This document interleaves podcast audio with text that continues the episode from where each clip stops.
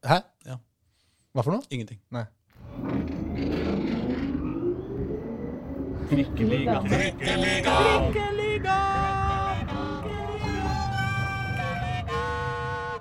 Hei, og velkommen til Trikkeligaen, episode 30 i sesong 2. Dæven, og åra flyr når vi har det gøy, Håkon Thon. Det gjør det. Ja, det gjør det. Ikke sant, Pål Karstensen? Helt korrekt. Eh, Ikke sant det, Aslak Borgersrud? jo, det er sant, det. Jeg glemte å si mitt eget navn. Det er sånn det er å være lokfører. Sånn. sånn Det er. går så jævlig fort. Det er, jeg er trikkefører, vet du. Trikkefører? Syversen. kanskje, Ja. Trikkefører Syversen. Eh, eller Borgersrud. Dere, vi har en eh, eh, masse ting vi skal gjennom i dag, fordi det har vært eh, sesongstart for uh, tredjedivisjon i norsk fotball. De har endelig fått eh, Ja da! kose seg med ball!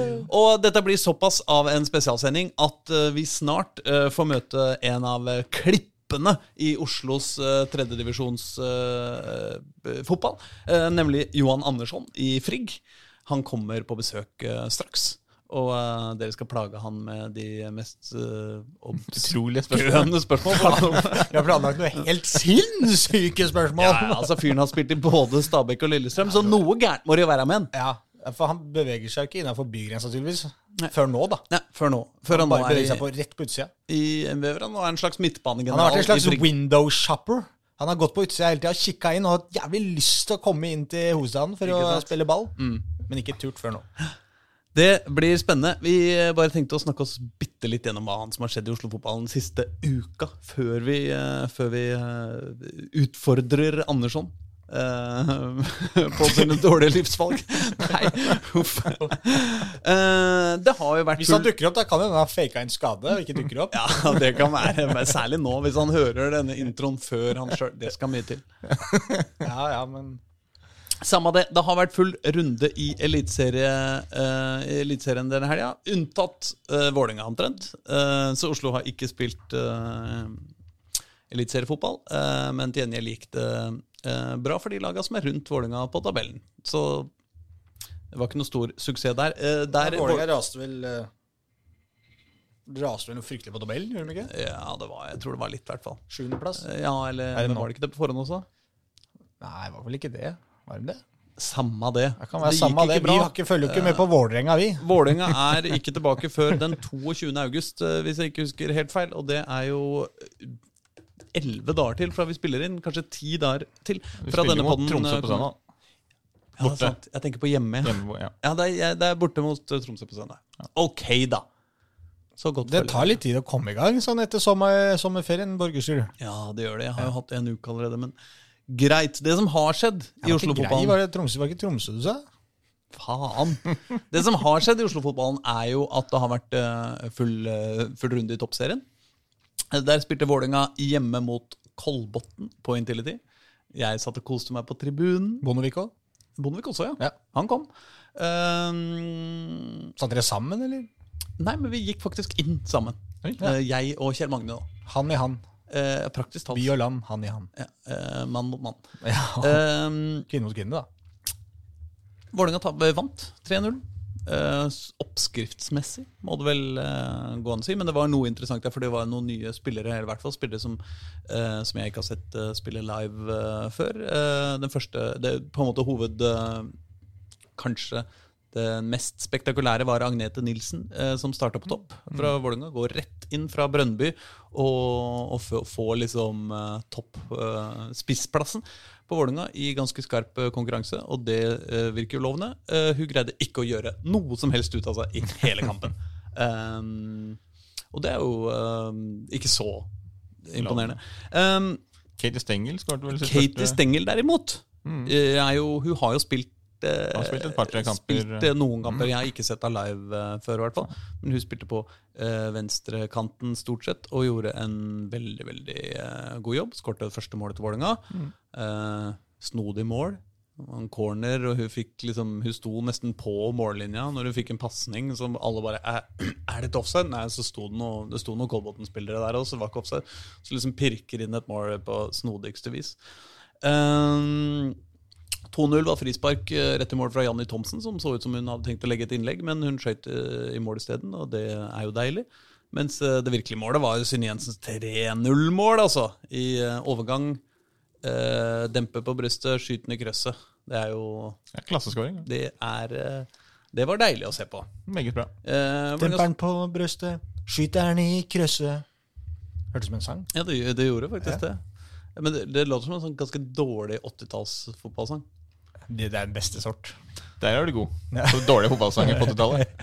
Jeg er god på alle fotballsanger. Ja, det, det er. Der er vi jo for øvrig nødt til å gjøre et arbeid snart knytta til Oslos, uh, Oslos uh, diverse fotballsanger. Uh, mulig jeg skal eh, melde meg litt ut av diskusjonen, i og med at jeg har lagd et par av dem. Men, eh, men det må de er jo jo så være dårlige at de havner jo langt bak i rekka likevel. Ikke sant? De havner langt bak i rekka, men eh, det må jo være um, Altså, eh, vi, vi må nok sette i gang et arbeid knytta til eh, bredde, Bredde-Oslos bredde fotballsanger. Altså, der tror jeg det er mye godt.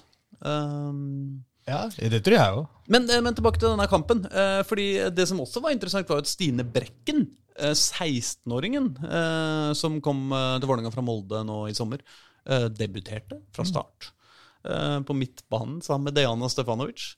Gjorde ikke sånn veldig mye ut av seg, uhellet, men eh, det er gøy å, å Men når du er 16, så, så er det jo bare å gjennomføre, for å si det sånn. Og øh, være med, er det ikke det? Absolutt. Hun gjorde, gjorde, gjorde seg ikke Ik- borte. ikke gjør seg altså. borte, ja. Eh, så, så det var jo trivelig. Det var, eh, altså, eh, Vålerenga snakka jo litt før i Dagsavisa til og med om en ny formasjonseksperimentering. Gikk jo ut i en sånn 4-2-3-1-sak. Hvor Diana framsto som f.eks. Stefanovic, som jo er en av lagets viktigste spillere, framsto som på en måte, eh, i hvert fall for meg, litt mer defensiv enn hun har vært eh, tidligere. altså liksom Mer defensive oppgaver og mindre offensive. Så jeg savna jo henne eh, som en sånn offensiv drivkraft. Men det er klart at når man vinner 3-0, så, så er det jo ikke så er jo ikke så mye å klage på, egentlig. Nei, bortsett fra for meg og Kjell Magne, da. Ja. ja, stemmer det, for du er jo fra Oslo sør, og Kolbotn er jo nesten Oslo sør. Ja, det var liksom laget mitt. husker jeg, da, spilte, da jeg fant ut at damene spilte fotball. Man liksom skulle, ja, man skulle finne seg et lag, på en måte. Da, bare sånn hvem, hvem man følger, da. Da ble det deg og Kjell Magne på Ja, lag. da var, det- ja, ja, jeg fant ut det. Han har jo fulgt det laget, damelaget i, siden 90-tallet, tror jeg. Kjell Magne. Jeg husker det var greier med at han var der oppe. Personlig så hata jeg jo litt å dra til Kolbotn. Altså, jeg dro aldri og så dem, for jeg hata å dra dit og spille fotball på Sofiemyr. Mm. Eh, Eller se, da, som det heter. Hva for noe? Ingenting. Nei. Nei, men jeg spilte sjøl òg, ikke sant? Mot sånn, ja. Kolbotn. Ja. ja. Mm. Eh, jeg var aldri noe glad i det stedet. Alltid beinhardt å dra utenfor Oslos grense. vet du. De er tre ganger så store utenfor byen. Men for eh, Kjell Magne Bondeviks del er det jo sikkert den derre litt eh, bleikblå fargen. Uh, som Minner om eh, Molde? gjorde utslag. Ja, det er veldig likt Molde, Molde-fargen. altså. Kan Det er- være fordi han bodde der òg, da. Skal du, gjøre, skal du være sånn kyniker, du? Ja, for det, Dette ser ut som bortedraktene til Molde. De liker jeg. Jeg tror det var, tror det var sånn det var. Ellers så tapte Lyn eh, 2-1 for uh, ja, Ro- Sandviken? Sandviken, var det. Ja. Uh, Godt forsøk.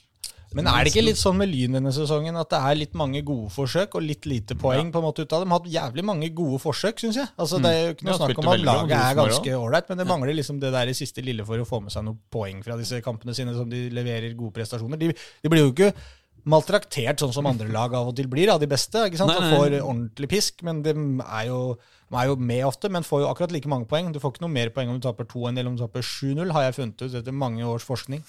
Men det var jo også uh, sånn at uh, alle mm, topp topplaga på en måte møtte jo litt motstand. Eh, altså LSK kvinner vant eh, bare 4-3 over Arna Bjørnar, hvilket jo burde være Burde være enkelt. Sandviken vant eh, bare 2-1 over Lyn. Rosenborg eh, greide til slutt å dra inn en 5-2-seier over Stabæk, eh, men likevel.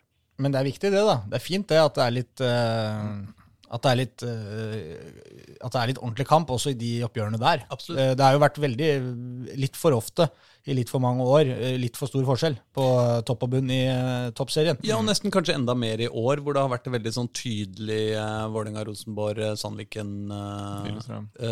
Ja, Lillestrøm. mm. som, som har liksom dratt som har, eh, som har vunnet alle kampene mot alle andre lag, egentlig. Ja. Eh, Det samme ser du jo fortsatt, men altså at en kvalitetsforskjellen i At det blir jevne kamp, jevnere kamper, da. Mm. Sånn, Slik at det ikke bare det er bare å møte opp, og så vinner du 7-0, liksom. Ja, på ja. rutinen. Men fordelen er jo at det nå er fem lag som kjemper i toppen, i hvert fall. da, Istedenfor ett til to til tre. ikke sant? Det utvider seg jo det, i hvert fall, da, hvor flere lag som satser. og derfor så blir det... Men Men det er fire lag som, eh, som kjemper i toppen. Og, og det er klart Det er fire, at eh, avstanden mellom Lillestrøm på fjerdeplass og Avaldsnes på femteplass er nå tolv poeng, eller? Eh, Det er ganske Det er litt kraftig. Ja. Ja. Avaldsnes starta jo med alle de fire i de fire første kampene, og Ja. hadde jo null poeng. Ja. Sant? Så de vant jo ingenting før eh, Og så er det jo sånn som vi også hadde på vårt tabelltips, altså det beste laget under eh, de fire beste. Mm. Og det har de jo også vist da når de ble ferdig med de, så har de jo selvfølgelig kommet mye, mye bedre i gang. Det var litt sånn som Brann på, på, på herresida. De hadde jo også de seks beste lagene fra forrige sesong mm. i de første Ja. seks første kampene, og tapte alle. Ja. Blir det jo forskjellen er vel bare at Brann aldri har kommet seg, egentlig. Nei, det er sant. Ja, men i, i Men det blir tungt vært, å starte når du har liksom, starter med fire, fem, seks strake tap, fordi du har de beste lagene fra i fjor. Det er i hvert fall veldig tydelig at uh, toppserien er delt i to. Mm. Uh, det er de fire beste, og så er det de seks uh, dårligste.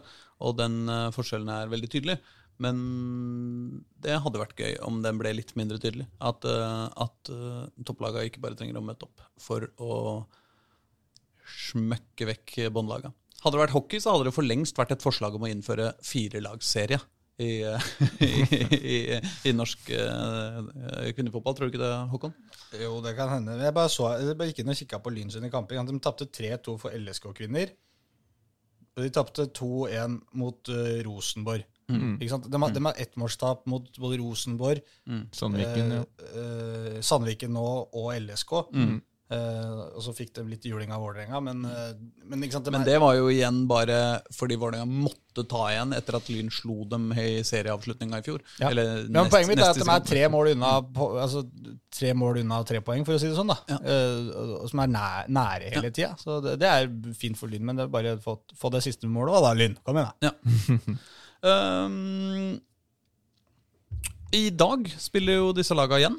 Altså i dag tirsdag, da. Nei, onsdag er det i dag. Onsdag er det i dag, altså, jeg er ikke helt på banen, altså. Nei, men eh, Så det, det har sikkert skjedd før eh, dere hører eh, denne, denne podkasten. Men der er det altså full cuprunde. Vålerenga spiller mot Ullensaker Kisa. Borte klokka seks. LSK blåser vi Uh, uh, Røa og Frigg spiller mot hverandre klokka Når du først bruker tid på Lillestrøm, så kan du jo si hvem de møter da. Greit, De møter et annet lag vi blåser i, nemlig Kongsvinger. Oi, spennende. uh, men Frigg, på Frigg-feltet altså, blir det Frigg mot Røa. Røa hadde jo en eh, knusende seier over Høybråten Stovner i, eh, i eh, forrige uke, hvor de hadde 7-0 eh, eh, hvor de vant 7-0, hvor hvorav én spiller skåra fire mål på en halvtime. Eh, Det var ganske imponerende. Ellers så spiller altså i dag eh, Lyn mot eh, Fortuna Ålesund. Altså det er borte. Også det borte. Så, og det er klokka sju, så det er eh, all grunn til å, til å eh, sette, sette seg på bussen. Jeg regner med det er en del Lyn-supportere som sitter og hører denne podkasten nå på vei hjem med seier borte mot Fortuna Ålesund nå. Gratulerer. Gratulerer med seieren. Gratulerer. Eh, det, det blir hyggelig, det. Ellers eh, er det noen andre Oslo-sportnyheter å sveipe gjennom før vi, før vi eh, inviterer inn eh, Johan? Ja, det har vel skjedd ting både her og der. Jeg vet ikke hvor skal jeg begynne. Kan vi ikke begynne i Koffa, da? Det kan vi godt. Ja. Det Ja, Koffa. Der, der har du vært keeper uh, Ja, ja. Keeperaction. De, har, eh, de har fått inn Emil Gundla eh, Ødegaard uh, uh, som ny målvakt Ja. fra Lillestrøm. Han har jo vært Han har jo tidligere vært i Grorud på lån. Ja, Tre år. I flere år, er han ikke det? år, ja. Han har, eh, men har han vært liksom den eh, Han var førstekeeperen i Grorud i alle disse årene her. Så, Ja. så egentlig så er det, er så er det mer dramatisk enn det virker. Han går rett og slett, Det er liksom Grorud-keeperen som går til Koffa. Nei, altså han har jo vært eh, stortalent i Lillestrøm eh, siden han kom dit. Han har vært leid ut mm. til Grorud. Alle er jo godt kjent i, i Oslo-fotballen, selvfølgelig, som et stortalent. Nå var han jo i Stjørdals Blink eh, og har gjort sine saker greit der. Eh, men så var det jo Lillestrøm som ville jo kjøpe Koffa sin keeper, mm. Knut André Skjærstein. Og eh, jeg si, det er jo et stort tap for, for Koffa. Men når de da eh, er i den situasjonen at de veit at de kommer til å miste han, så har de liksom gjort en deal med Lillestrøm at ja, hvis dere, hvis dere vil ha han, så må liksom vi også ha en keeper. Og hvis dere, vi kan få han som dere har på, på utlån der, da.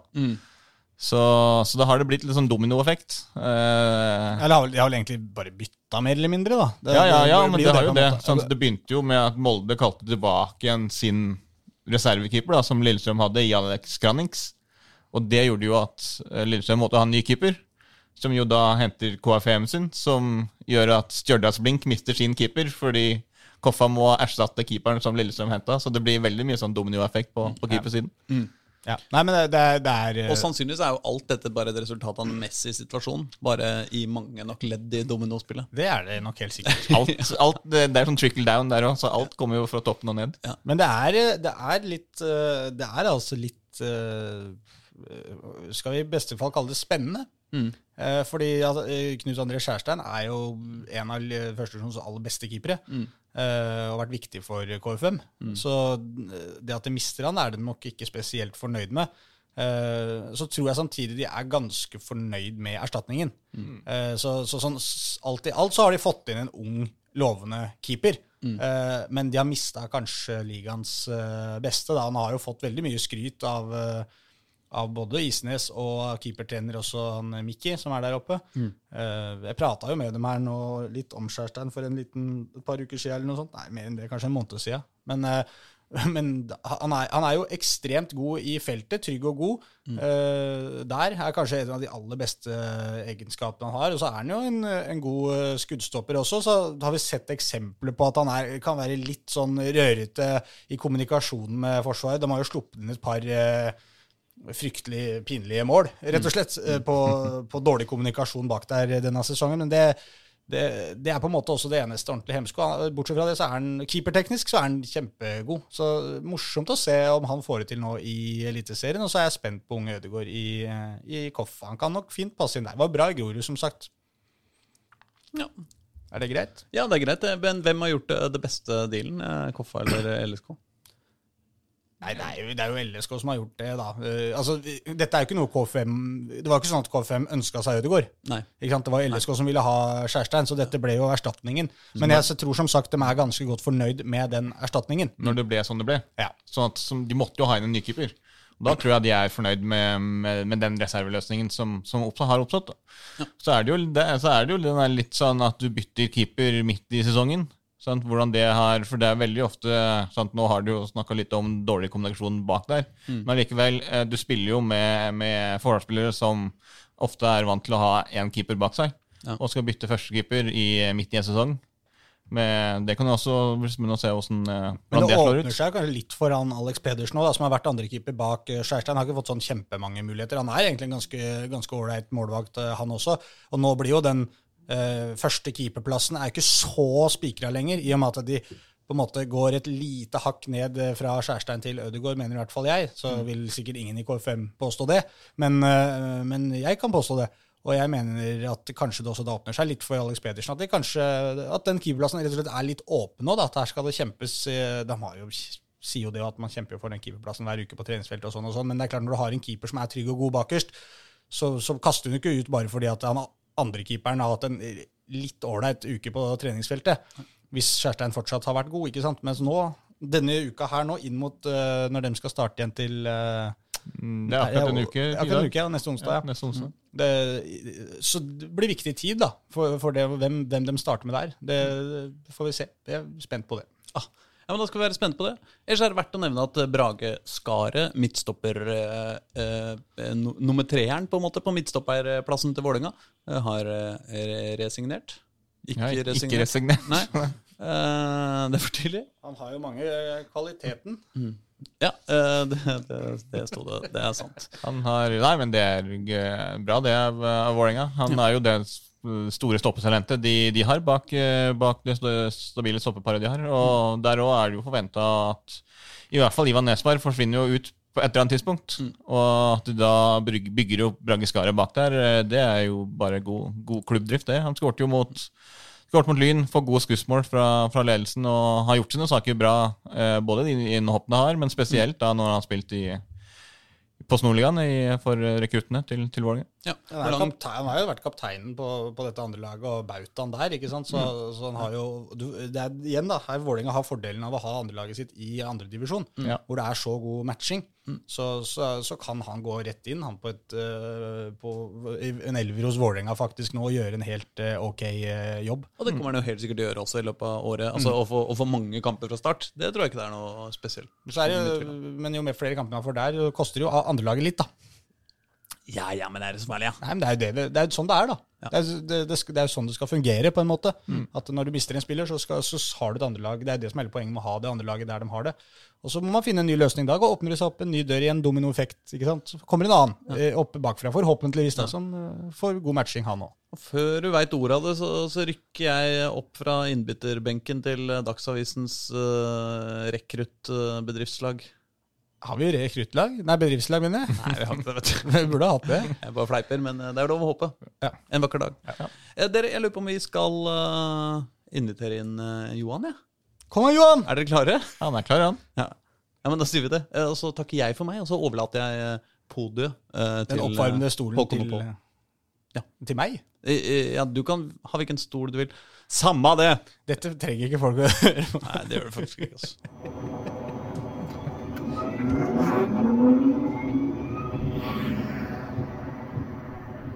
Da har vi fått uh, Johan Andersson på plass, kasta ut Aslak uh, Borgersrud, og nå retter vi da fokuset mot uh, tredjedivisjon, og spesielt da Frigg, som uh, du er en del av, eh, Johan. Eh, og dem starta jo sesongen glimrende, da. 6-1 mot eh, Fana. Det var en fin eh, start for, eh, for gutta. Det var en strålande premiär mot ett eh, Fana som eh, favorittippade. Så det var bättre kunde det inte bli.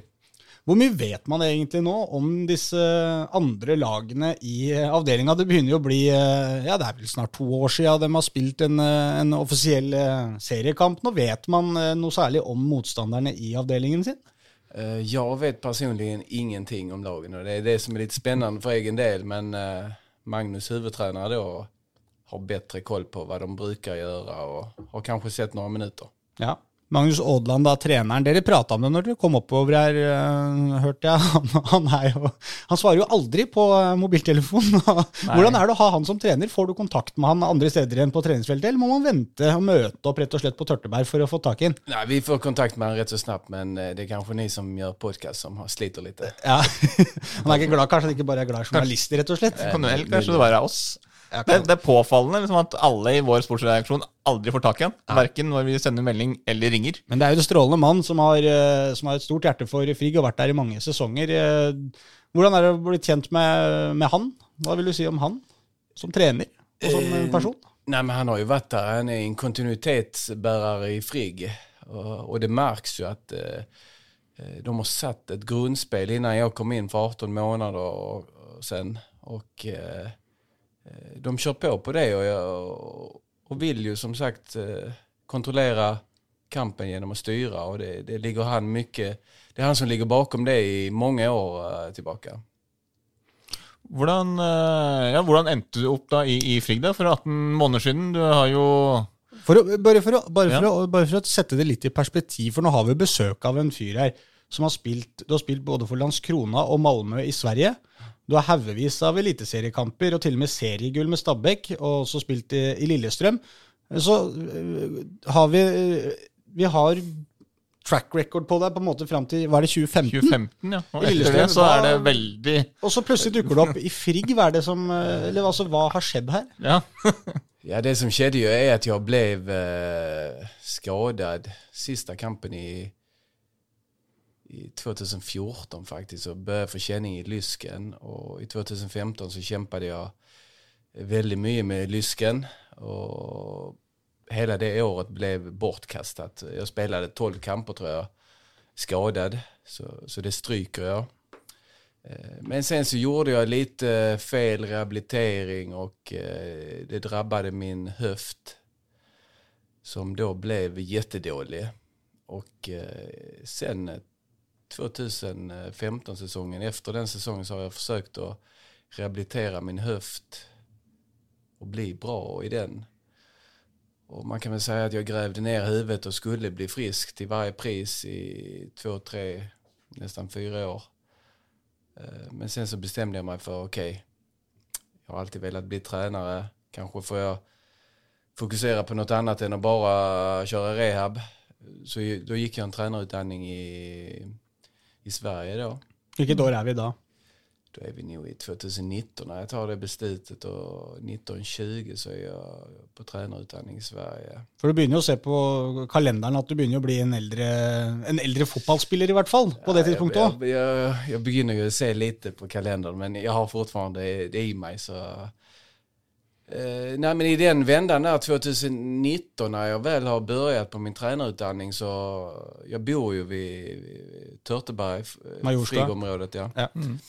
Och jag, jag löper och tränar en del eh, runt området och till någon träning så tror jag historien är då att Joakim Holmedal och Magnus Ådland går och så joggar jag förbi och jag hälsar på Jocke som jag känner sedan tidigare i Lilleström och, och Jocke då, ja men kanske du skulle få med han, tror jag snacket går till Magnus och eh, någon månad efter det har jag ett möte med Magnus då och frågar om jag vill vara med och eh, vara med och ja, som assistent och bolla lite mm. istället för att han ska gräva ner sig själv i alla problem. For hva, hva, er, hva er rollen din helt uh, konkret i, i Frigg nå? Ja, det er jo spillende trä- Spillende assistenttrener, ja. ja. Men, du er, men du føler nå at du har fått orden da på hofta di? Og, Nej, og, det har absolutt absolut ikke. Det har inte. Utan eh, jeg har fortfarande samme problem som jeg slutade for. ja. Eh, så det er begränsat. Hö- Höften och kroppen er begränsad. Men eh, kan jeg bare ha det lilla det problemet med høften så, så klarer jeg tredje div greit. Men om det kommer mer enn det som jeg har nu, da, då bidrar jeg ikke med noe. Nei. Så hvis Frigg skulle finne på å rykke opp til andredivisjon, så, så blir det for uh, mye for deg? Så, så lenge jeg kan ha, bare ha höftproblemet Ja. så kan det gå i Ja, okay, andre ja. div också. Eh, Men det får liksom ikke bli uh, belastningsfeil her og der, og kjenninger der og her. og Da, da, er, det, da er, det ikke gøy. Men du har det, du har det noenlunde altså, Om det ikke er helt bra, så har du det i hvert fall nå Under kontroll. stabilt og under kontroll på et eller annet uh, vis, eller? en just nu men, uh, Men det er målet. det er målet. Ja. Det er målet. Og da kan jeg bidra i tredje div. Det har vært et mål veldig lenge det da, for deg. Dette har Ja, målet med har vært i... å bli helt frisk. ja, Men har du slått det fra deg helt? Nej, det har jeg ikke gjort. Nej. Eh, Men det, det har jeg ikke gjort. eh, Så det kjemper jeg hardt for, egentligen. Så, det, det ikke, så, så du driver ikke nå og simulerer eh, skader, som, som du ble beskyldt for i slutten av Lillestrøm? Det er ikke bare at du tenker at Vet du hva, eh, for det var jo Bare for å ta den historien, da. Ja. Var det i 2015, det, da? 2015. Ja, da, da gikk jo både Det var jo Jon Arne Riise, og det var Mini Jacobsen og Christian Gytkjær. eh, TV 2s eksperter, da, ikke sant? eh, Flere, Jesper og Jesper Mathisen. Eh, var alle ute og, og mente at du simulerte en skade. Det var noe greier du Det mente at kanskje du ikke ville spille for Lillestrøm og lata som du var skada, og, og de greiene her. Så dette er ikke bare at du tenker at nå skal jeg vinne den debatten. Se her, nå har jeg vært skada i seks år etter det. Jeg er fortsatt skada. Så hvem vant den diskusjonen? Jo, det var meg. Nei, nei så stor jeg ikke, men uh, ja, det var en dum diskusjon som jeg ikke orket å gi mye energi for det, det gjorde meg ikke bedre i lysken då. Nei. Så Men det var jo litt rart òg, det, grunnen til at dette, dette dukka opp, var jo fordi at eh, du var jo på noen sjekker, og de klarte ikke egentlig å finne på en måte hva som var problemet. Men som du sa, at eh, nei, nei, men de klarer ikke å finne noe, men jeg har fortsatt vondt. Eh, så jeg vet, skal jeg høre på legen eller kroppen min, på en måte? Og da er det jo eh, som du sa den gangen nå, at det, det er lurere å høre på kroppen sin. Altså, Jeg kjenner jo denne kroppen bedre enn en noen andre, men det var jo litt sånn rar ting at man ikke klarte helt å skjønne helt kanskje hva det var. Ja, jag, men jag tror inte heller att alla skador syns inte på magnetröntgen och alla fysioterapeuter, det, man finner inte liksom svar på. Det, det var ju en överbelastning över en lång period som jag hade fått mina lyskeproblem och eh, du ser inte så mycket kronisk betändelse och ah, det, det, det blev rör och jag tror inte, tyckte inte Lillestrøm skötte det speciellt bra utåt heller. Nei. Så det blev bara rör men jag la väldigt lite energi i problemet egentligen. För jag, jag hade problem, jag hade till och med haft likadant problem tio år tidigare där de inte fann ut av problemet. Och då opererades jag två gånger. Denna gången så kände jag igen problematiken och jag visste att eh, ja, jag behövde skit i vad de säger. Du måtte ta det med ro. Ja, jag hade inget att vinna på det. Mitt kontrakt gick ut med Lilleström och att jag då skulle välja att inte spela, det, jag tjänar ingenting på att eh, protestera och inte spela. För då, nej, det, Nej. det, det var... eh, Men som du sier, det var, det var jo eh, nå, nå når du da har tatt trenerutdanning selv, eh, og som du sier, Lillestrøm da, som, som klubb dette her, de, de gjorde jo ikke akkurat så mye for å, for å slokke dette bålet heller. Det virka som de var usikre på en måte også på, på Nei, hva skal vi si til dette her, liksom? Jeg, vi, de blei litt sånn der paralyserte, de også. For det er sånn, Prøver han å ikke ville spille, eller? Altså, de gikk aldri egentlig ordentlig ut og sa noe som klubb. Eller jeg tenker sånn, som en assistenttrener nå, da, i Frigg. Og en lignende situasjon hadde oppstått med en spiller på, på laget deres nå. Eh, hva hadde du likt at klubben på en måte hadde gjort, eller trener i klubb, eh, rundt deg? Hvis du hadde skulle gjort det nå som Frigg-assistenttrener? Ja, altså, altså, klubben gikk jo ut, jeg vet ikke om det var fysioterapeuter eller trener eller, ja, vi, vi vet liksom ikke hva det er. De gikk ut med en veldig diffus, altså, de spedde på det medien at, at, det var Ja. liksom diffust. Men i stedet for liksom, ja han har problemer med lysken, han hviler. Ja. Eh, Det hadde liksom alle köpt. Eh, För lyskeproblem är en stor del i... Mm. Ja, for det var problemet, følte jeg, at det, det, det kom fra deg, som, som Ja. en enkeltspiller, og ikke, ikke som en sånn offisiell uttalelse fra klubben. At det, nei, han er han, er, han har skada, han, han er skada. Men, men hvordan, hvordan kunne man løst det, tenker du? Hvordan ville du løst det? Det er det som er poenget mitt her nå. Hvis- Ja, poängen är ju att, eh, att fysioterapeuter, trenere og sportchef då kommer fram til en, uh, en Uttalelse. uttalelse Ja. och så går man ut med det. Inte då att ah, vi vet inte vad det är och eh, Johan vet bäst. Och, Ja. Utan man kör eh, stenhårt. Han har problem med lysken. Vi finner inte något men eh, han vilar tills vidare eller Ja. rehabiliterar tills vidare. Så det ble en litt sånn, eh, litt sånn rar avslutning på, på hele det eliteserieoppholdet. Men før du kom dit, så fikk du jo med deg veldig mye morsomt i Eliteserien. da. Vi kan jo annet trekke fram eh, seriemesterskapet i 2008 med Stabæk, var det jo en del av. Absolutt. Og det var jo da, som Pål var inne på her, med da din gamle trener fra Landskrona, Jan Jønsson, som da henta deg fra Malmö eh, til Stabæk, og fikk jo en umiddelbar suksess. Hvordan var eh, ti, den første tida på en måte i norsk fotball for deg? Eh, första tiden var ju bra. Jag kom ju från ett eh, Malmö FF där jag hade varit skadad året innan och eh, kom tillbaka från sjukdom och skada 2007 och så skulle jag ju då köra 2008 med ny tränare i Malmö. Fick väl ganska direkt klart att fan, här kommer jag inte satsas på. Och då, och då var ju Janne tillsammans med någon annan klubb rätt så snabbt och det tog inte lång tid innan jag kom till Norge och och Stabäck då i, i mars 2008. Kom ju också till ett väldigt eh, bra lag. De hade ju tagit silver i 2007. Så jag kom till ett lag med väldigt progression liksom och hittade min roll ganska direkt. Og Och där rullade det på eh, den säsongen.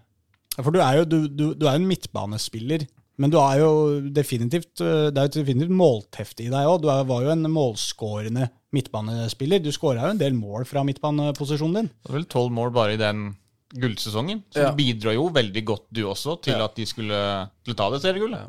Man kan si at for från min sesong i 2008 der jeg var en kant som løp i bakrommet og tria og skulle gjøre mål.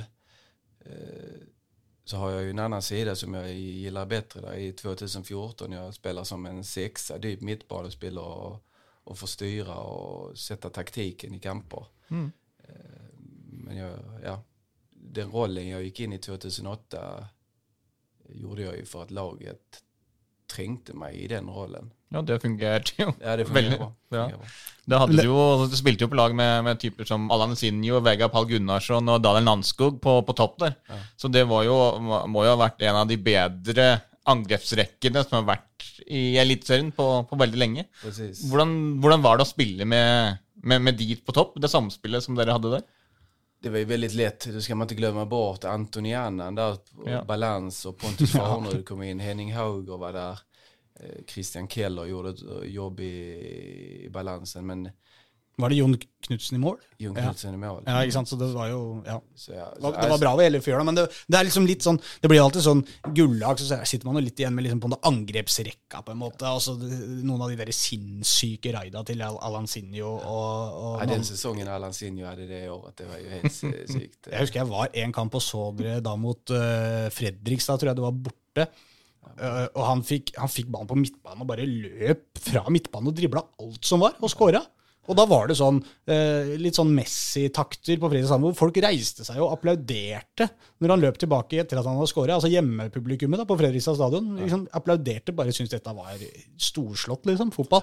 Det er klart, Når du spiller da med disse spillerne, så, så er det jo noen eh, andre å ta hensyn til. Da, da får man kanskje litt, eh, litt eh, mer rom å boltre seg på sjøl også på et sånt lag, eller? Ja men så ble det jo, de var jo den, om du tar den anfallsrekken då med Nanskog som hade ju väldigt fina bakomslöp som första man då. Mm. Veiga var ju stjärne på att vända upp och slå bakomsbollarna och Alansinho på att dribbla. Och då glömde man bort mig lite och, och när Nanskog stack på det hållet så stack jag i nästa yta. Så eh, kombinationen där eh, var ju otroligt nyttigt för oss i Stabäck. Er ti, men, eh, men Jønsson også da som trener. Nå er han jo ferdig i- Stabæk da, til slutt, men, eh, men hvordan var det å ha han som sjef? Dere, dere, et, eh, et, dere må jo ha hatt et ganske godt forhold, da, i og med at dere kjente hverandre fra Landskrona-tida også, eller? Så Såklart. Jeg kom opp som junior i Landskrona som 17-åring og Janne Jønsson eh, merket jo at han, han liker meg og det jeg gjør. og som smart spiller og smart trener så fikk vi noen form av connection. Eh, så det er klart jeg har et takknemlighet til Janne og fortfarande en god relasjon til han. Men var du litt skeptisk til å dra til Norge, eller var hvordan jeg. så du på Ja, Ja, Jeg var veldig skeptisk. Jeg, jeg var på vei Jeg var nesten klar til Geis ja. 2008, det året. Og Geis har jo en, eh, på den tiden, Gamla Ullevi, rett så Ja. Bra supportere og OK, liksom. Geist er jo laget mitt det, i eh, Sverige. Jeg heier på dem, jeg. Ja, men Det det, er, mitt lag. det är ju ett rätt så fint lag Ja. bra supportere og alt. Og så kom Janne da, og Stabæk i siste sekunden nesten. Og, ja, jeg får jo besøke dem for Geis og Stabæk var tydligen uh, stor forskjell. Det skjønte ikke jeg, men uh, så jeg åker opp her. Jag åker til Nadderud og tenkte hva faen er det? Løpebaner og Løpebaner, og det var liksom Landskrona har bedre stadion, Malmö FF har mye bedre stadion Og så skulle jeg ned og spela på Nadderud men så OK, vi bygger Telenor her til neste år Og, ja og norsk fotball hadde jeg jo Jeg var ikke så positiv til det utan jeg hadde jo hørt Drillo-fotballen og at det var langboller og sånt så det satte i litt, men eh, Du fikk jo noe servert noe ganske annet, da, men det var jo takket være en annen svenske, da, Jan Jønsson. Som ble, du fikk servert en annen type fotball enn den lange, de lange ballene. ja. Ja. Så jeg visste jo hva de stod for, og jeg kjente jo eh, Jan Jönsson da. Jeg kjente Høyland fra Malmö, jeg kände Segerström, jag spelade tidligere med Nanskog så eh, den lilla tryggheten var så bra å ha. Ja, for, for hvis ikke det hadde vært for noen av disse koblingene til andre spillere, så tror du kanskje ikke at du hadde valgt Stabæk? Det, tror jag inte, nej. Nei. Det er jo ikke så rart heller. Nei, det er vel ikke det. Nei. Men, men hvordan var En ting var jo fasilitetene og på en måte det man hadde hørt om norsk fotball, men hvordan var møtet med norsk fotball? på en måte, Det første møtet, hvordan var det sportslige nivået? Sportslige nivået var jo bra. Eh, På den tiden så var det jo rett så fine. Om, om man sammenligner med Sverige så var det bedre bättre stadion her, kanskje. Mm. I alle fall rett så like, kanskje snepp uppåt. Fotbollen var lite annorlunda. Den går ju väldigt fram och tillbaka. Så man behöver vara lö- löpstark, vilket jag är. Så det passade ganska bra. Eh, nivån eh, bra också. Det var bättre löningar och svenska spelare gick ju till Norge för att tjäna lite bättre och då, och då blir ju klassen minst lika bra. Ja. Idag är det ju lite skillnad. Jag tycker Ja. Sverige har gått om med stadion, Sverige har gått om med intresset, publikum och engagemang. Och mm, jag tycker Norge är lite efter. Lite med att finanskrisen kom lite senare till norsk fotboll. Och, Ja. De hadde jo veldig mye penger der i en periode, i hvert fall den TV-avtalen, den milliardavtalen, eller som de, de kalte det, den TV-avtalen som kom der, som ga veldig mye poeng, penger i norsk fotball. Sant? Den kom jo inn der, og etter det så har det jo vært en litt sånn nedadgående eh, trend. I hvert fall i forhold til dessverre. Da. Ja. Som jo da Du ser også det eh, Men det er litt sånn, jeg tror kanskje det er litt sånn I, i Norge så, så ser vi dem ikke på svensk fotball som noe liksom Oi, noen store greier, liksom. Men det er vel det samme i Sverige òg. Jeg tror at spillerne i Norge liksom begynner å tenke fan i. Sverige vil jeg spela. For det er litt mer stemning. og Du ser det liksom på de kampene, i hvert fall i, i Stockholm der, eller Malmö, altså de derbyene der. Veldig god stemning. Eh, altså de som får lov til å spille på Friends Arena. Altså 50 000 tilskuere. Altså det, det er litt andre forhold enn det er i Norge. Ja, for Vi sitter jo fremdeles og mimrer om på en måte Lyn Vålerenga, som vi drar opp hele tida Ja. på tidlig 2000-tall.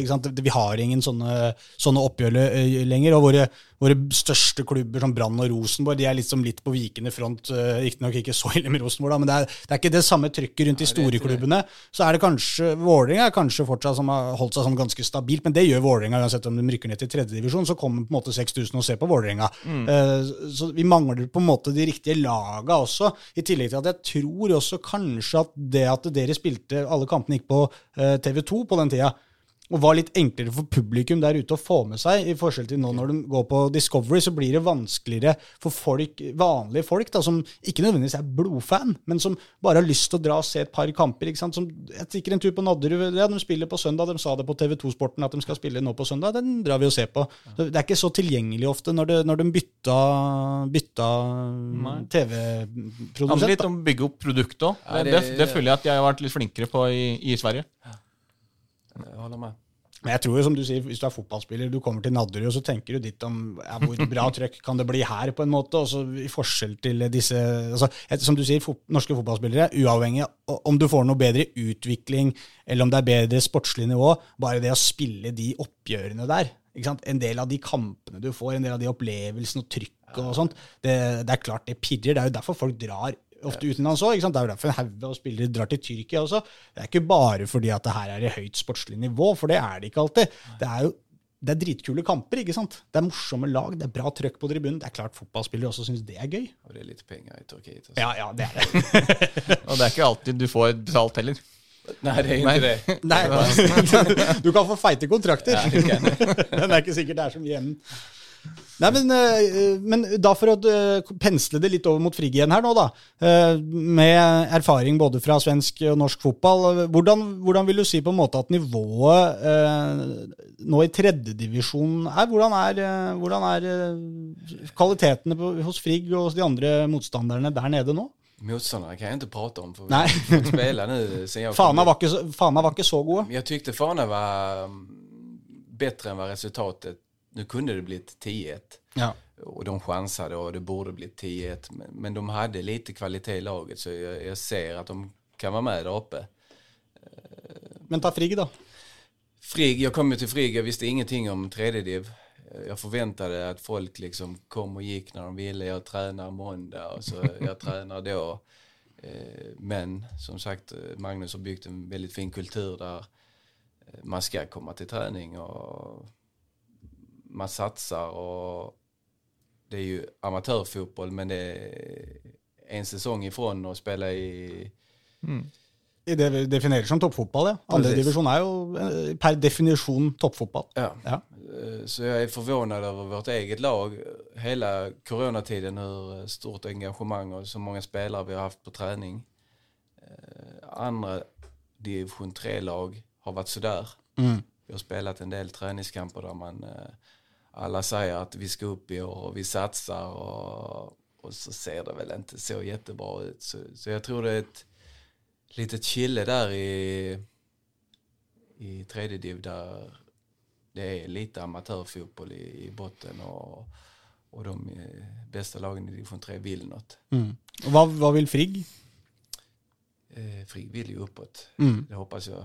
Det, där är plats till ett lag som jag ser det. Det är lite det som lockade mig eh, till FRIG då. Att där är plats till ett lag till eh, upp i divisionerna i Oslo väst. Absolutt.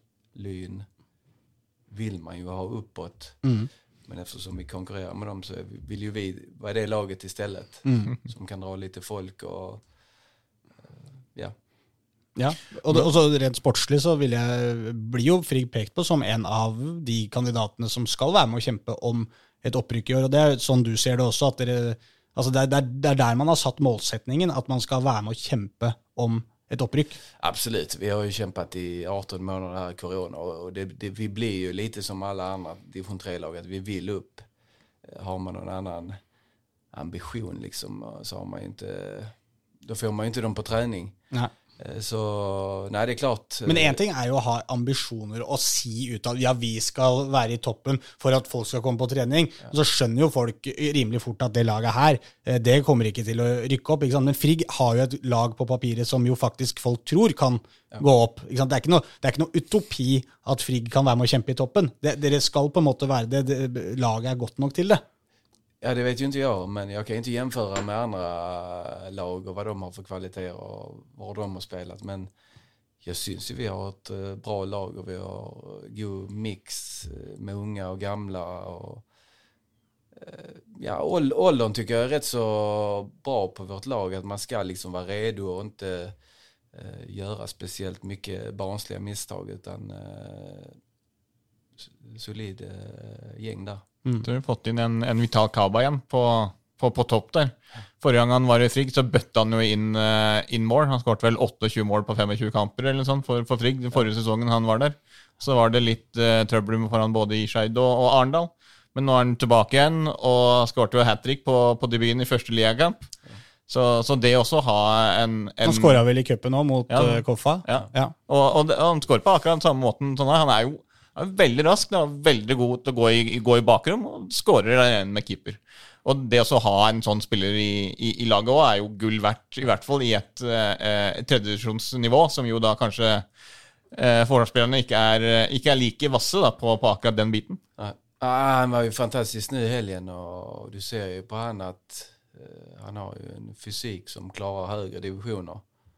Uh, og visse av eh, tredjedivsspelarna har inte den fysiken som krävs och, och, och då kör han liksom, då, då är han enorm. Hvor viktig er det ja, altså få den gode starten på, på sesongen nå? Nå har dere et lokaloppgjør mot, eh, mot Reddy som kommer til, eh, til helga. Men også eh, når dere har en sånn målsetning Dere har jo ikke spilt fotball på ja, siden du kom. Eh, Å få da en bekreftelse på at dere faktisk det dere har trent på i så lenge, at det, dere faktisk får ut noe i kamper også. Eh, ja, det er klart det det er bra. Det, det är det eh, vi vil og forventer av oss. Eh, Så at få den starten gir oss selvtillit og tro på denne sesongen. Hvordan var det å komme inn i, i, i det Frigg-laget der når det var rett inn i koronaperioden? Ja, det, jag kom ju in någon månad innan där, eh, så det var ju, det var ju trist. Når, når var det du kom eh, til FRIG? akkurat? Ja, det er i januar 2020 da. Ja, Så det var to-tre måneder, det. Altså, To-tre måneder, og sen uh, helt stille. Uh, så dårlig timing men uh, ja, vi har jo fått, eftersom vi, vi er et lag som vil ha bollen og vil styre kamper så har vi fått 18, må 18 måneders trening på det. Eh, vårt spel går ut på att vi ska göra våra ting och inte har du som taktik att du ska gå på kontring och sånt så, så tror jag lite vanskeligere att träna i dessa 18 månaderna för vi har blivit väldigt goda på det vi ska göra. så dere har brukt eh, de 18 månedene veldig på å eh, konkretisere akkurat det dere skal bli gode på. Eh, fordi det er jo sånn I hvert fall med den ballbesittende spillestil, da, så er det kanskje litt lettere å bruke det ballen, spille av seg press, altså alle de type tingene som, som kreves i en sånn spillestil. Ja. Nei, men vi har gjort det eh, siden jeg jag kom så har vi trent veldig mye og finslipet eh, lite detaljer så at vi blir ja, bedre. Bedre, bedre balans og lite eh, farligere. Hva slags, hva slags fotball eh, kan vi forvente oss av Frigg, på en måte? Hvordan er eh, drømmekampen for Frigg? Drømmekampen er at vi står og styr i, med 80 bollinnehav og gjenvinner bollen høyt. Och, Et langt, massivt trykk et, ja, det er det, det er det vi er ute etter. med, med bra bevegelser inn i boks og få sirkulert litt og rørt litt. Og, ja, det, er det, det er den type Litt sånn som KFM, da. Som, sånn som de spiller eh, fotball. Det er ikke sikkert du kjenner til dem så Ja, godt, men men vi, vi, Men de, har, de, de har vel skrevet lite, de er lite mer... uh... De har blitt litt mer direkte, men det er jo helt bevisst, på en måte, fordi at de vil være mer varierende. Og det er jo det er vel sikkert et tippe er et nøkkelpunkt hos dere, og at man, man kan ikke for enhver pris bare holde på ballen heller. Man må prøve å ta de overgangene som også eventuelt skulle by seg, da. Så är det nog. Vi har, om jag har förstått det tidigare, fri fotboll är att eh, man inte har riktigt tagit de chanser utan man har varit och väldigt eh, bollkåta och man ska ha bollen i mitten och trilla och trilla och så kommer det ett bryt eh, så småningom. Men eh, eh, spela lite större och lite farligare i mm. tror jeg. I hvert fall, ja, i hvert fall klare å variere det. Ja. Ja. Ja. Men er det, er det altså du snakker, jo- Vi snakka om Kaba her, og det er jo noen spillere som man kjenner til. Ulrik Ferrer er vel fortsatt eh, en del av eh, troppen. Eh, men er det noen som du om, det er jo en blanding her av unge og gamle. Er det noen vi kan ha et lite øye til denne sesongen, som, som du tror kan, kan overraske litt? Vi har eh, en ung kille fra Lyn der Petter, Petter Nåsa. Ja. Väldigt spännande en mot en. ekstreme Extrema.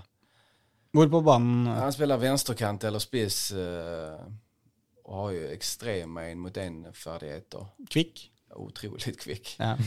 Så han har jo show mange treninger. Eh, så han tror vi kan få eh, se blomma. Og litt spesiell med sin unike unika spelstil. Hvor gammel er han, da? Kan han vara, kan Nei, vara 17? Nej, jag har ingen aning. 17-18. Da kalte du ham Peter Peter Nosa. Nosa. Så hvordan NUSA, eller? N-O-S-A, tror jeg. Ja. Nei, bare tenkte, det, det, det, er, det er ikke noe men Jeg tenkte på han der i Stabæk. Ja, jeg Antonio, nå, på- Antonio Nosa. Det er ikke noe Nei, men det er noe lignende der med O der. Ja, Ja, er Kanskje litt lignende 16 spiller òg, for, for han er jo Ja, også en sånn kvikkas eh, kvikk- det kjapp, eh, jag skulle säga att vår Petter er råere Ja. På, Ja, okej. på uh, kvikkere. Ja. Lite lengre steg enn eh, Men er han en sånn type eh, spiller som liker å stikke inn i bakrom, eller er han sånn som bruker kvikkheten sin mer sånn en mot en, som du sier, ja, dra seg forbi folk? Han bør få inn det i sitt uh, repertoar, at han truer litt i bakrom, han leser spelet og går litt der. Nå er det mye fot og fot uh, og vil dribbla. For det er jo en sånn ting i norsk fotball i det hele tatt, at det har kommet etter hvert veldig mange spillere som er veldig interessert i å spille den derre eh, Sarawi-rollen, da, eh, Odin Holm, ikke sant? Hvor, du, hvor du drar av folk, og så stikker gjennom eh, andre spillere. Problemet er at vi nesten ikke har spillere eh, å stikke de ballene gjennom Nei, til etter hvert, for alle vil være de som slår pasningen, og ikke som går på løpet. Uh, nei, så, her, så Petter skal jo da bli bedre på å tre i bakom for han er ikke en riktig spelfördelare på det settet som Sarawi og Och, Altså, du, trenger, du trenger jo Vegard Pall Gunnarsson, du trenger Nanskog og Andersson som løper igjennom også. Ja. Og det, du gjør det, du gjør ja. det. Så der kan han bli bedre, Petter med å time sine løp og vite hva målet står for det målet går ut på. Men er, er, er det sånn at han er en eh, Vil du si at han er en klar eh, førsteelverspiller, eller er han en sånn som sitter på benken og kan komme innpå nå denne sesongen? Just nu med sin form så skal han spille, men samtidig så er han ung och gillar å drible og kjøre en mot en så når han tapper selvtillit i det så eh, Og i første sesongen i Frigg så, så kan det jo bli eh, andre spillere som eh, vi velger oss som er formstarkare. Ja, og som, og som ung spiller også kommer du til å gå opp og ned. Sånn er det alltid.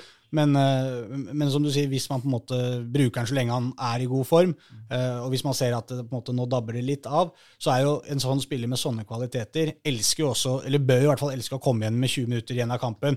Litt slitne forsvarsspillere, og da bygge på seg selvtillit ganske kjapt i løpet av kanskje et par kamper hvor du får to sånne innhopp, og så inn fra start igjen. Og det har han jo haft. Han har haft noen kamp der han kom inn siste 20 och fick kört dem ordentlig, ordentligt så det passar i bägge delar. Men det har jo vært veldig fin eh, start på, på sesongen for dere. da. Vi var inne på 6-1 i serieåpninga. Eh, og også cupkampen mot eh, KFM var kanskje, var kanskje ja, nå- Det er vanskelig å være mer imponerende enn 6-1, men, men det var Og, og man taper samtidig. Men, men man ser resultatet ja, Var det, var det 4-2, eller var det 5-2 det blei? 4-2. Ja. ja. Ja, det var jo, men det som var veldig imponerende der, var jo først Altså, Koffa skårte jo eh, 1-0 etter fem minutter, og så fikk du et mål rett etter pause der. Og da tenkte vi at nå er det over. Liksom, nå kommer bare KFUM til å kontrollere deg inn. Men etter det, altså etter å ha fått de to i fleisen, så reiste jo eh, Frigg seg og kom tilbake. Eh, og den eh, Altså Måten de kom tilbake og slo tilbake på De spilte seg inn i kampen og gikk på bakgrunn. av Vital Kaba skårte det morgenen på et tradisjonelt bakromsløp. Kom alene der. Så ble det en straffe eh, i tillegg. Og absolutt måten de slo tilbake på, det imponerte meg, meg veldig stort. Selv om da eh, KFM da på siste halvdel av skuddet opp viste at de hadde jo et lite knepp å gå på. Men, men absolutt, den prestasjonen der, eh, selv om man ser altså 6-1 i serieåpningen, er er jo veldig bra. Men altså, måten de kom tilbake på, moralen de viste, det var jeg veldig imponert over i, i den kampen. Ja, vi spiller en bra kamp. eh, Det är synd. Där efter 2-2 så gör de ju mål minuten efter. Hade, vi, hade, varit, eh, hade det kunnat gå 5-7-8 minuter där så hade man kanske hade man fått lite tid att jobba sig in i det igen. Eh, Men nej, det var en bra kamp. Eh, Koffa eh, lite bättre, men eh, inte så eh, vi ska liksom skrämmas av uh, Obosliga-lag och, och så. Utan vi, eh, får vi spela vårt spel som vi är ganska goda på så, så är vi inte rädda för någon. For det må vel være også mye eh, å hente fra Sandekamp, selv om det ble, ble tap der. Og vi, å vite at du eh, både kan spille, spille jevnt med lag som ligger da i to divisjoner under, eh, nei, over dere, men også da med tanke på at det her var jo den første ordentlige kampen dere hadde nesten spilt på, på to år. Nej, men det var jättebra kamp att få eh, precis innan starten och, och de fick känna på at att de klarar mot Obosliga-lag också. Också att det är sånt, hade, vi- hade, vi, hade vi blivit utspelade mot ett eh, elitserielag eller ett Obosliga-lag så hade det inte varit så mycket att lära av dem. Men nu är Koffa lite bättre på det mesta. Men det är också en nivå som vi kan höja oss på och se vad de gör rätt där. Det är möjligt för oss liksom. Att vi också ska kunna göra de grejerna. Og ut ifra hva du sier også om hvordan Frigg ønsker å spille fotball, og jeg drar opp KFM som et eksempel på et lag som spiller en litt lignende type fotball, bare på et høyere nivå. Så som du sier, så er det sikkert masse man kan eh, ta med seg fra et sånt oppgjør, og kjenne på det at eh, ok, vi er ikke så langt unna dem. Vi er et, par, vi er ett til to knepp dårligere, eh, litt sånn jevnt over, men det er ikke så høyt opp. Ikke sant? Når man ser resultat 4-2, tenker man ja, ja, det var greit for KFM, ikke sant? men når dere sitter nå og som vi sier, ser bak resultatet, så var det jo jevnt mye lenger enn det KFM syns egentlig var behagelig. Ja. Ikke sant? At det, eh, og som du sier, dette, denne kampen kan man bruke og se hva er det KFM gjør. De, de spiller mye av den fotballen vi ønsker å spille. Hva er det de får til som ikke, som ikke vi får til? Jeg tror det var en fin matchup for dere, da, en fin kamp for dere å, å ta mye læring av. Og så ser man også at den selvtilliten man får av å faktisk være ganske jevne, helt sikkert spiller en rolle i da serieåpninga mot Fana, at man kommer inn der med litt sånn trygghet på at ok, da har vi fått, vi har kommet i gang. Første kampen, det var ikke noe, vi tapte ikke 8-0 her, ikke sant? Vi, vi var med mot KFM, som er et godt førstedivisjonslag. Og det, da, da kan man bygge litt inn på det mot, uh, mot Fana. Og nå er det jo ready i, til helga. Dit skal jeg. Det gleder jeg meg til. Ordentlig Oslo Vest-derby. Är eh, derby. Ja, jeg.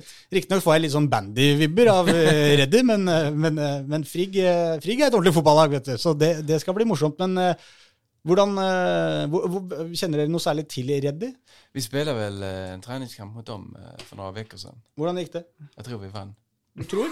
Ja, vi, vi, vi vann betryggende der og styrte og stelte, og Reddy var sekunder efter i varje duell. Og, uh, Så da blir det å prøve å gjenskape det. Og det er jo ikke alltid så lett, da. Nei, det er jo ikke det. Og ny bane, og hva jeg har hørt, så er Reddys bane ikke spesielt bra. Nei. Eh, jag vet inte om de saknade spelare, så, så det gäller att nollställa sig. Och Ja. för i år så blir det, det blir lite, man har inte råd till så många eh, misstag och tappar, mister man poäng så ja, det Det er vel litt gøy å, å, å komme i gang med et ordentlig Oslo-oppgjør også i, i ligaen. Det er vel litt mer stemning, det med, med lokale oppgjør. Jag har aldri annet opplevd et upplevt ett eh, division 3-derby än. Men jeg vet jo at møtene med Lyn er, det er litt mer spesielt. Jeg gleder meg til å møte de, der, i hvert fall. Absolutt. det gjør vi. Ja, for, for det, er jo, det er jo en ordentlig, en ordentlig uh, godbit. Altså sånn, uh, du kan si Reddy, liksom, at de, de er geografisk uh, i samme område. Så er det jo, som jeg sier, det er jo litt mer bandyklubb i mitt hue, da. Men Lyn, der har du på en måte Lyn, Frigg, er, der er det, der, den har alt. Det er bare at det er på feil nivå på en måte i, i divisjonssystemet, for det er jo en, en gammel klassiker i Oslo-fotballen. Lyn har jo en moderne historie fra, fra toppfotballen òg, men, eh, men den kampen blir vel Det er vel den man på en måte blinker seg ut som sånn dette blir, dette blir den kuleste kampen, å møte Lyn. Eh, Det har jeg forstått, ja. Ja. mine 18 måneder her så snakker man mye om uh, matchene mot Lyn og hva Lyn gjør. Og, uh, så ja. Jeg skulle prøve bare å finne, Det er derfor jeg sitter på telefonen her, skjønner du, gutter, for jeg prøver å finne ut hvilket år det var jeg var oppe der og så, så Frigg mot Lyn. Jeg tror det kanskje var i 2018. Jeg. Uh, I hvert fall Lyn uh, Frigg vant eh, 3-0, tror jeg, eller et eller annet sånt. Eller 3-1, 3-0. Det, det var så vanvittig kok. Det er noe av det morsomste jeg har vært med på. For da kom eh, Riktignok, som du sier, Frigg mangler kanskje litt den der eh, interessen rundt, eh, rundt klubben hva kom, angår supportere og det greiene her. Men det er noen som er, eh, er Frigg-supportere. Og som du sier, hvis man skal få flere, så må man eh, gjøre det bra. Sportslig, kanskje rykke opp. Men når du får Bastionen på besøk, ikke sant, Lyn-supporterne, og de kommer mannsterke med bluss og med røykbomber, og de hadde jo tatt med seg et par eh, bæreposer med noe pils som de sto og drakk bak gjerdet der òg, for det er jo noen ganger litt sånn på disse breddekampene at det er litt, eh, litt løslumpet vakthold eh, rundt omkring. Men det blir jo vanvittig stemning, og da husker jeg jeg lurer på om det var Ulrik som hadde scora et mål og løper over Altså han scorer i det ene enden og løper over hele banen for å feire foran Lyn-supportere, og det hagla med ølflasker og alt mulig. Og en Lyn-spiller som kom løpende bort og skulle ta han, da, ikke sant. Og ender opp med at ikke bare skårer Frigg, men han Lyn-spilleren ble utvist òg. Like før pause. Han var jo fly forbanna, for han skulle jo bare stoppe han eh, Ulrik. ikke sant? Gå vekk fra supporterne mine. Og dytter han vekk. Dommeren opp med det andre gule, tror jeg det var, og rett i dusjen, samtidig som det var, da var 2-0 til Frigg, eller noe sånt, før pause. Så, så den har i hvert fall jeg blinka meg ut, eh, hvis det kan bli noe lignende som det der. Og da var det litt eh, Det var noen Frigg-supportere der også, skjønner du. Så det, det var litt eh, kok på den kampen. Jeg tror vi, som vi i klubb, det er vel kanskje kanske att man ska liksom synas lite mer ute på Majorstuen, Frogner och Ja. eh, göra lite PR eller at att kamp 100 meter bort, kamp tredjedivisjonslag, eh, Majorstuens lag och li, lite sånt. Och I en säsong där vi hoppas och tror att vi ska eh, i alla fall vinna fler än vad vi taper så är det kanske då man vill som supporter få, få sig ett I Istället för om man ska börja nästa år, om vi leker med tanken att vi har gått upp och så ska man eh, kriga någonstans eh, i mitten, botten. Då, då tappar supportrar intresset utan man vill ju vara med Ja, på opp.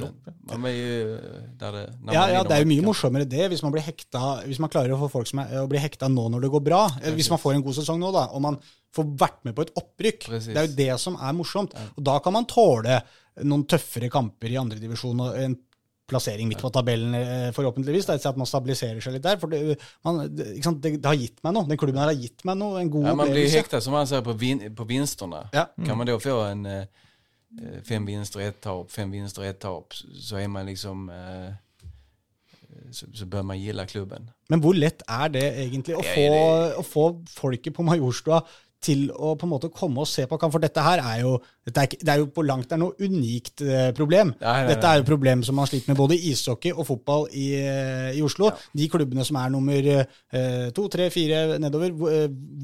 Med mindre du har en supportergruppe som har klart å overleve litt vonde år, sånn som Skeid og Lyn.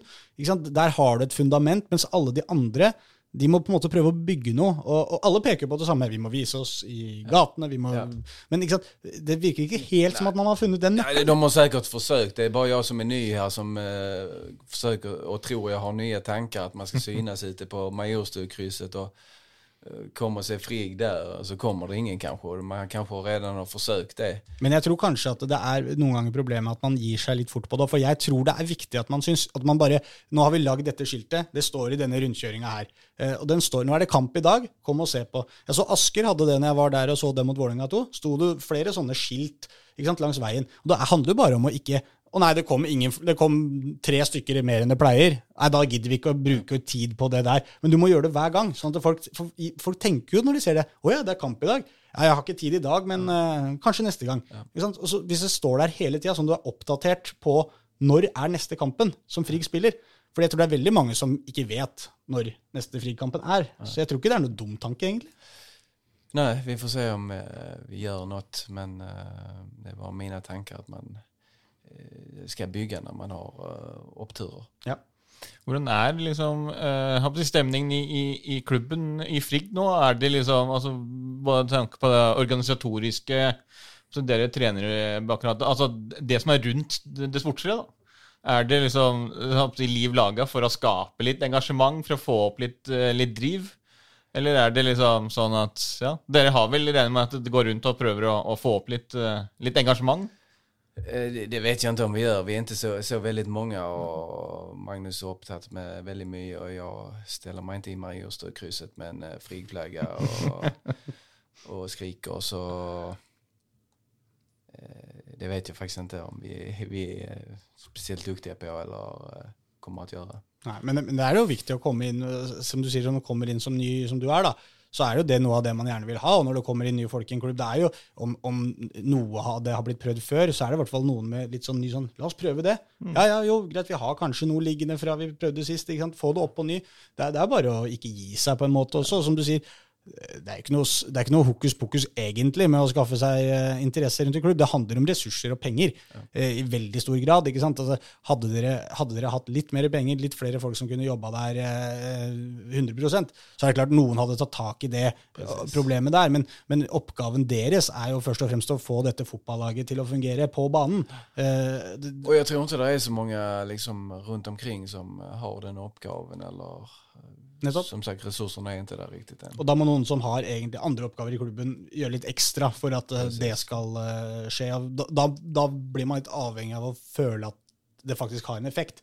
For hvis du bruker mye tid på å lage plakater og ting og tang, og henge, bruker tid på å henge det opp, og så er det på en måte ingen flere som kommer, du prøver det fem kamper, ikke noen flere folk som kommer, hvor lenge skal jeg gidde dette? på en måte? Det, det, For Frigg har jo innan jeg kom til Frigg så var jeg jo veldig... eh, jag såg ju väldigt många barn som gick i friggkläder på Majosen. Jag tänkte det är jättebra, jättebra att visa fin blå färg med Frigg på ryggen liksom. Och kan man liksom bygga på och visas hela tiden. mm. så tror jag det. Det tror jeg også er en eh, nøkkel i dette. For dette snakka om, med dette om Grorud eh, når de rykka opp. Og de brukte jo mye tid og penger i klubben på å få lagd nye eh, altså treningsdresser og sånn. Som ungene kunne få ikke sant, Ja. så, eh, i klubben. Og som de er litt stolte av å gå med. Ikke sant? Altså man, eh, KFM også har gjort det samme, satsa veldig inn mot barna i klubben. Sånn at, når, at de flyr rundt i nærområdet, som du sier, i klubbens eh, farger og, og logo. Og, så vil de på kamper etter hvert de kanskje bli kjent med A-lagsspillere og litt sånne ting gjennom noen akademier og treninger og litt sånne ting.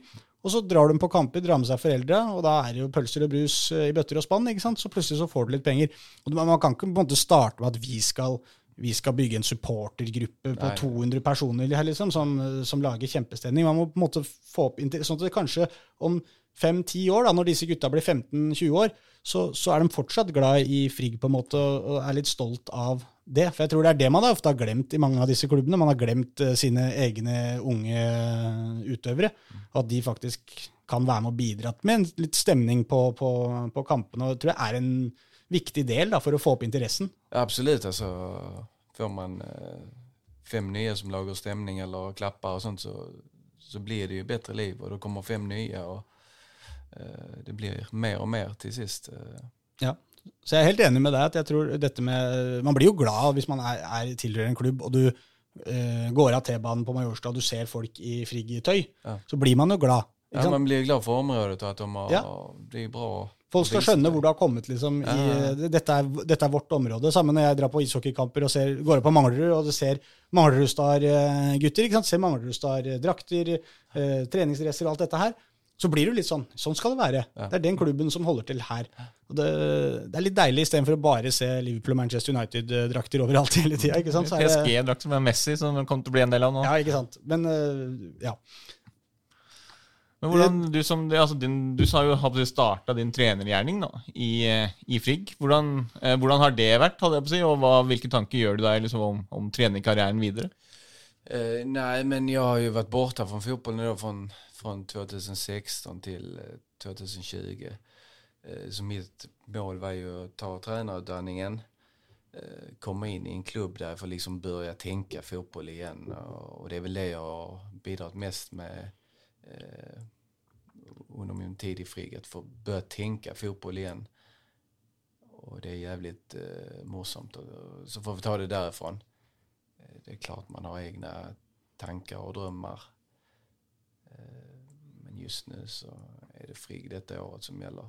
Du har jo mye, mye slekt på Janne, som du jo sikkert kan, eh, kan få noen tips og råd om. Han har jo greid seg ganske bra, kan man jo si. Absolutt. Eh, Janne har klart seg bra. Så, och man har lært seg fra alle trenere man har haft gjennom karrieren, og det meste man lærer seg, det er egentlig feil enn de gör. Eh, Så enkelt er det. Men man tar, man tar lite det de gör bra och vad gjorde han för fel och vad gjorde han för fel och skaper skapar sin egen eh, stil. Er ikke Janne er ikke han arbeidsledig nå? Jo. Jo. Kan det bli Frigg? Bør Oddland være bekymra? Det skal han jo ikke være, Odland. Eh, Med nej. mitt mytteri her med deg og, deg og Janne som tar over Frigg. Nei, Magnus gjør det bra så han, eh, han sitter sikkert. Eh, Janne derimot er är fri. Så det blir spännande att se vad han gör nästa gång faktiskt. Eh, har haft det lite tungt på sistone.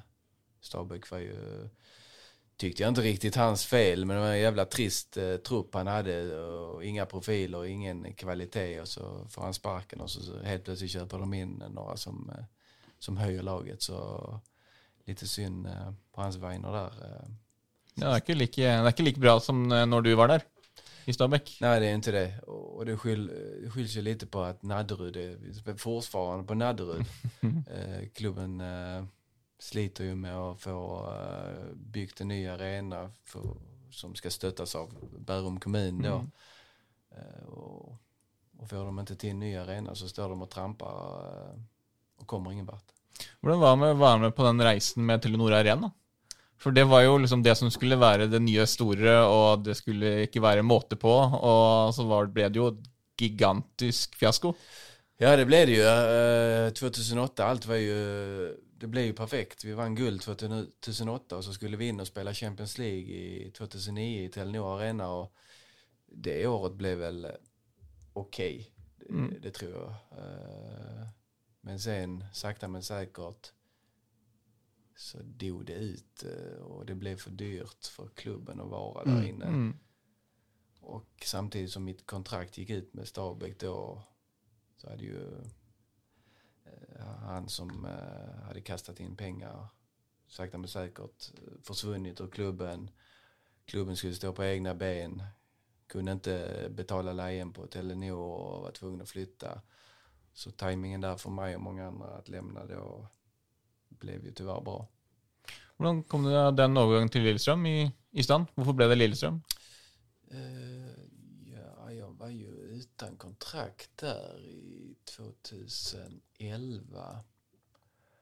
Eh, hur det ble til? Ja, det, det, jeg hadde noen klubber å velge mellom. og Lillestrøm kom jo med beste tilbudet, og det var jo Oslo som jeg trivdes veldig godt i. Eh, så ganska... Och de, eh, ny tränare där, de skulle gå från den gamla eh, dödboll-taktiken och, och spela lite trevligare fotboll och det passar ju mig bra. Hvem, var, var det, var det Arne Erlandsen som var der, da, eller? Og var på vei ut, Nej, det eller var hvem? He- Henning Berg jag träffade. Ja, ja, men at det var han som hadde kommet inn. Nej, Nei, det var ut. Henning Berg som skulle ut. Henning Berg var ju där 2011. Ja. Och när jag signerade så signerade jag, eller jag kom överens med Henning Berg och Torge Bjärman att ja, okej, -huh. det, detta blir bra och jag kommer signera. Och I den perioden så försvann Henning Berg Ja. och då kom Magnus Haglund in. ja, Magnus Haglund var det, ja. ja selvfølgelig. Ja. Så det gjorde ingen större f- skillnad. Jag gillar ju Henning Bergs sätt att se, det och Haglund visste jag hade gjort det bra i Sverige och Ja. ville spela så. Da ble det en ny svensk trener. Ja. Ja. Så det var många svenskar. ja. Ja, Kanskje det blir deg og Jønsson en gang på trenerbenken sammen? Absolut, två, två smarta tränare. Så, Om du skal si det selv? det tror jeg hadde vært eh, en bra kombinasjon. Ja. Landskrona, kanskje? For å slutte ringen? Landskrona gjør det bra nå. For Nicole spelade derby i går mot Helsingborg og tapte, men eh, på vei opp eh, i systemen. Hvor er de, men eh, er de på øverste nivå, eller? De är på super, i Superettan näst högsta och eh, låg ju etta där länge och nu har de tappat två sista kamperna. Ja. Er det er det, det som er eh, klubben din, for å si det sånn? Det måste man väl ändå säga. Jag kom Ja. dit som 14-åring och lämnade som 22. Ja. Så det är väl... Eh, ja, det är ju he- hemma i Landskrona och eh, hemmaklubben är ju då Ja. Landskrona Boys. Boys, ja. Ja. Alltid litt gøy, syns jeg. Ja. Med boys. Landskrona Boys. Kom igjen nå, boys. Ja, come on, boys. Nei, men eh, har du noe mer, Pål? Nei, det var jo eh, bra. Det, Hva tror du om kampen da mot, uh, mot til, til helga? Eh, jeg tror at vi tar med selvtilliten från eh, Fanakampen och eh, ja, og, og vi, vi vet jo hva Redi går for, Så kan vi få bane, eller eh, kampen inn på vårt spår så sikter vi på tre poeng. Ja, som du sa, dere hadde jo bra kontroll på den der i en treningskamp for litt siden, så, så det er jo tre poeng man skal ha der. Det er absolutt målet. Alt annet vore et steg tilbake, Men eh, Hvilke, hvilke lag tror du blir, eh, for å ta, avslutte med det, hvilke lag tror du blir de tøffeste utfordrerne hva angår opprykk for Frigg? Det har jag ingen koll på. Men Jag, jag har ju sett Erik Huseklepp i Fyllingsdalen. Jag vet inte om det är ett bra tecken eller inte. Han sier sikkert det samme om deg. Jeg sitter sikkert i en podkast borte i Bergen, og så sier han Johan Andersson i Frigg. Jeg veit ikke helt hva jeg tror, tror tror om det. han, har, han har ikke sett meg i någon startelva igjen, så jeg, jag, jag smyger under radarn til de siste fem kampene. Ja, ok. Men var, så sto du ikke på benken? Du sto oppført på benken her en Ja men sånt har de ikke koll på der borte. Nei. Ja men Lyn, eh, Lyn skal vel Ja. være den satsende klubben så nu ser de ikke kjempebra ut mot Vålerenga men uh...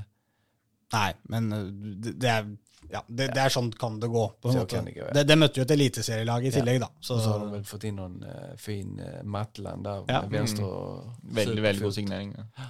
Men så, har du, så er det jo Lysekloster òg, som noen har eh, pekt på. De også tror jeg er et Er det flere i hvert fall som tror skal være et av de lagene, så det kan du jo ta med deg når du skal møte dem. Ja, jeg har hørt det også, men jeg, jeg kan ingenting om dem. Fikk jo utsatt serieåpningen sin, uh, Lyn. Ja. Skulle jo spille hjemme mot Årdal. det? Nei, det var korona i Årdal-troppen. Okej. Så Årdal kunne jo ikke reise hit og spille, så den kampen ble utsatt. Så jeg tror den skal spilles nest, altså neste midtuke. Ja. Så jeg ikke tar, eh, tar helt feil. Så de serieåpner nå da borte i, i helga, og så spiller de den, den egentlige serieåpningen da i neste, neste uke. Så Ja, vi hadde jo en fin start med 6-1 men vi ligger fortfarande bare tvåa. Ja, det var det. Eh, Har vi noe til å se oppåt? Ja. Det er viktig, det. veldig greit å være i angrepsposisjon. Det, Ja, det tykker det. Tycker det. Det må bare ikke være det hele Bare ikke være det når det er slutt på sesongen. bare i angrepsposisjon helt til siste kampen, så ta det är helt Ja. ja, for de siste fem, da skal Johan inn og spille, vet du. Ja, ja. Da, Kommer det noen eh, mål der fra, fra vingen i, i bakromsløp? ja, jeg tror det. Exakt. Nei, men Veldig hyggelig, Johan. Veldig gøy at du stilte. Og så lykke til med sesongen. Vi kommer sikkert til å uh, ses av og til utover. uh, utover. For- Det er vel kanskje lettere å ta kontakt med deg da, hvis vi skal lure på hvordan det går med Frigg, enn en, en, eh, enn å høre med Magnus. Nei. Så kanskje hvis Magnus hører på, så er det kanskje greit at eh, da får han da får han, eh, får han være i fred. Vi skal slutte å mase, Magnus. Men vi, vi kan, vi, vi, da kan Johan få fri på kampdag. Da kan vi prate med Magnus på kampdag, og så kan vi prate med Johan resten av uka. Ja. Mm. Kjempekoselig, Johan, og takk for praten. Takk for det.